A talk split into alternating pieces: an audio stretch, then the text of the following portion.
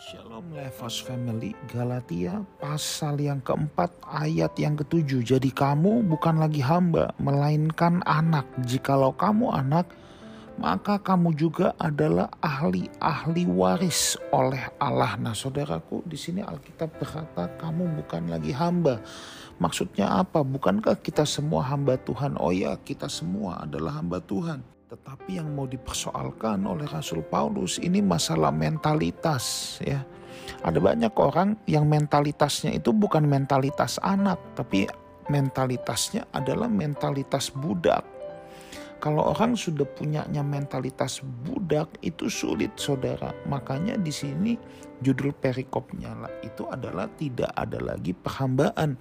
Mentalitas budak adalah orang yang selalu diperhamba ya. Nah, mentalitas anak itu beda. Kalau mentalitas anak adalah relationship.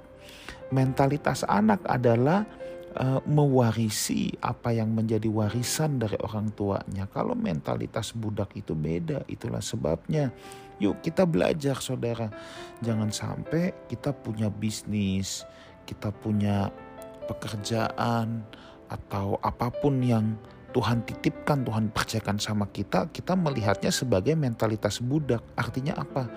Kita diperhamba oleh apa yang Tuhan titipkan itu. Nah, ini berbahaya, saudara. Ini berbahaya. Harusnya mentalitas kita, mentalitas anak. Kalau mentalitas anak akan memandang apa yang Tuhan titipkan untuk dikembangkan.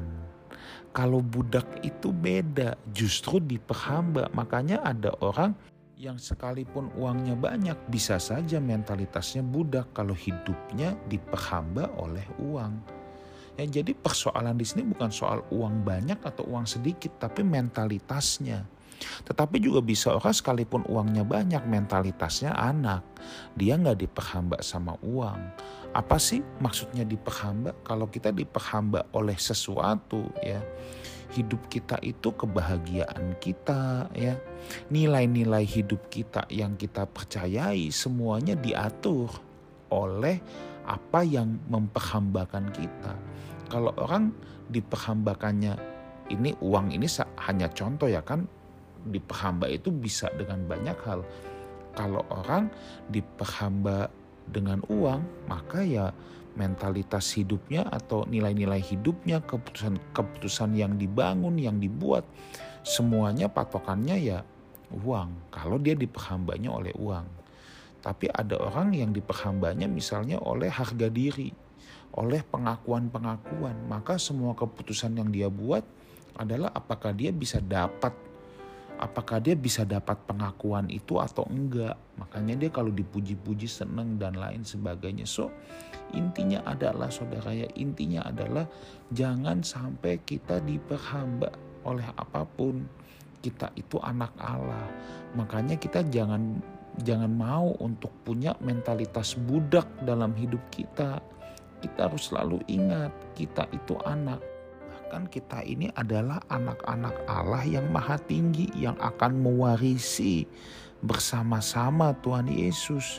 Jangan mau lagi kita diperbudak oleh apa pun. Ada orang yang diperbudaknya oleh dosa, saudara. Nah, kita jangan lagi mau diperbudak oleh dosa. Yuk, kita buat keputusan-keputusan dalam hidup, pilihan-pilihan dalam hidup supaya kita tidak diperbudak oleh apa pun.